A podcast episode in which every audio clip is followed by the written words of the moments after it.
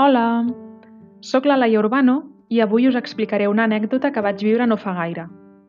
Soc conscient que aquest canal es diu Camins de Contes i que ja només en el tercer episodi començo a inventar i us parlo d'una cosa que no és un conte. Però és que és una història ben entranyable, que titulo Les àvies i les hèrnies. Potser no hi trobeu la relació, però us asseguro que hi és. De seguida ho veureu.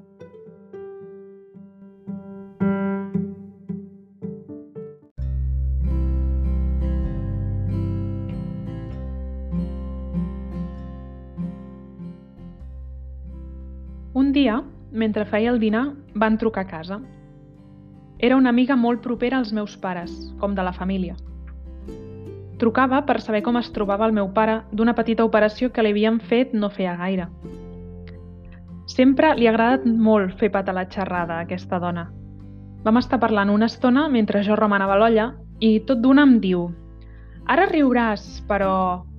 i m'explica que el llogaret on vivia quan, era, quan ella era petita al vell mig d'Andalusia, la seva àvia curava les petites hèrnies que sovint pateixen els nadons.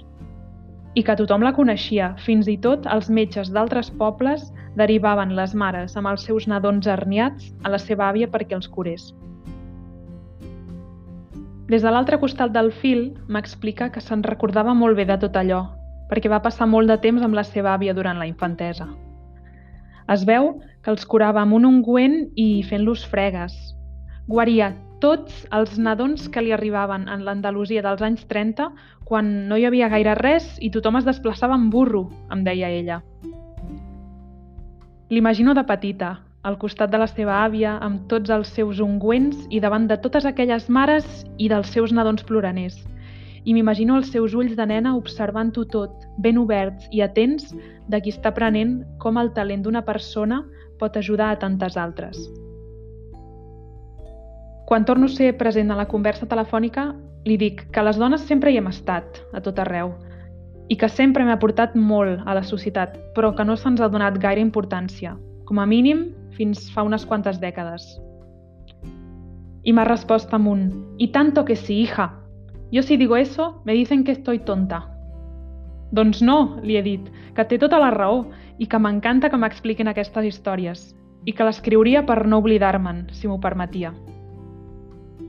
Inicialment no pensava compartir-la amb ningú, però va ser un moment molt bonic que em va commoure, ja que tot d'una, una conversa quotidiana va convertir-se en un intercanvi ple de sororitat.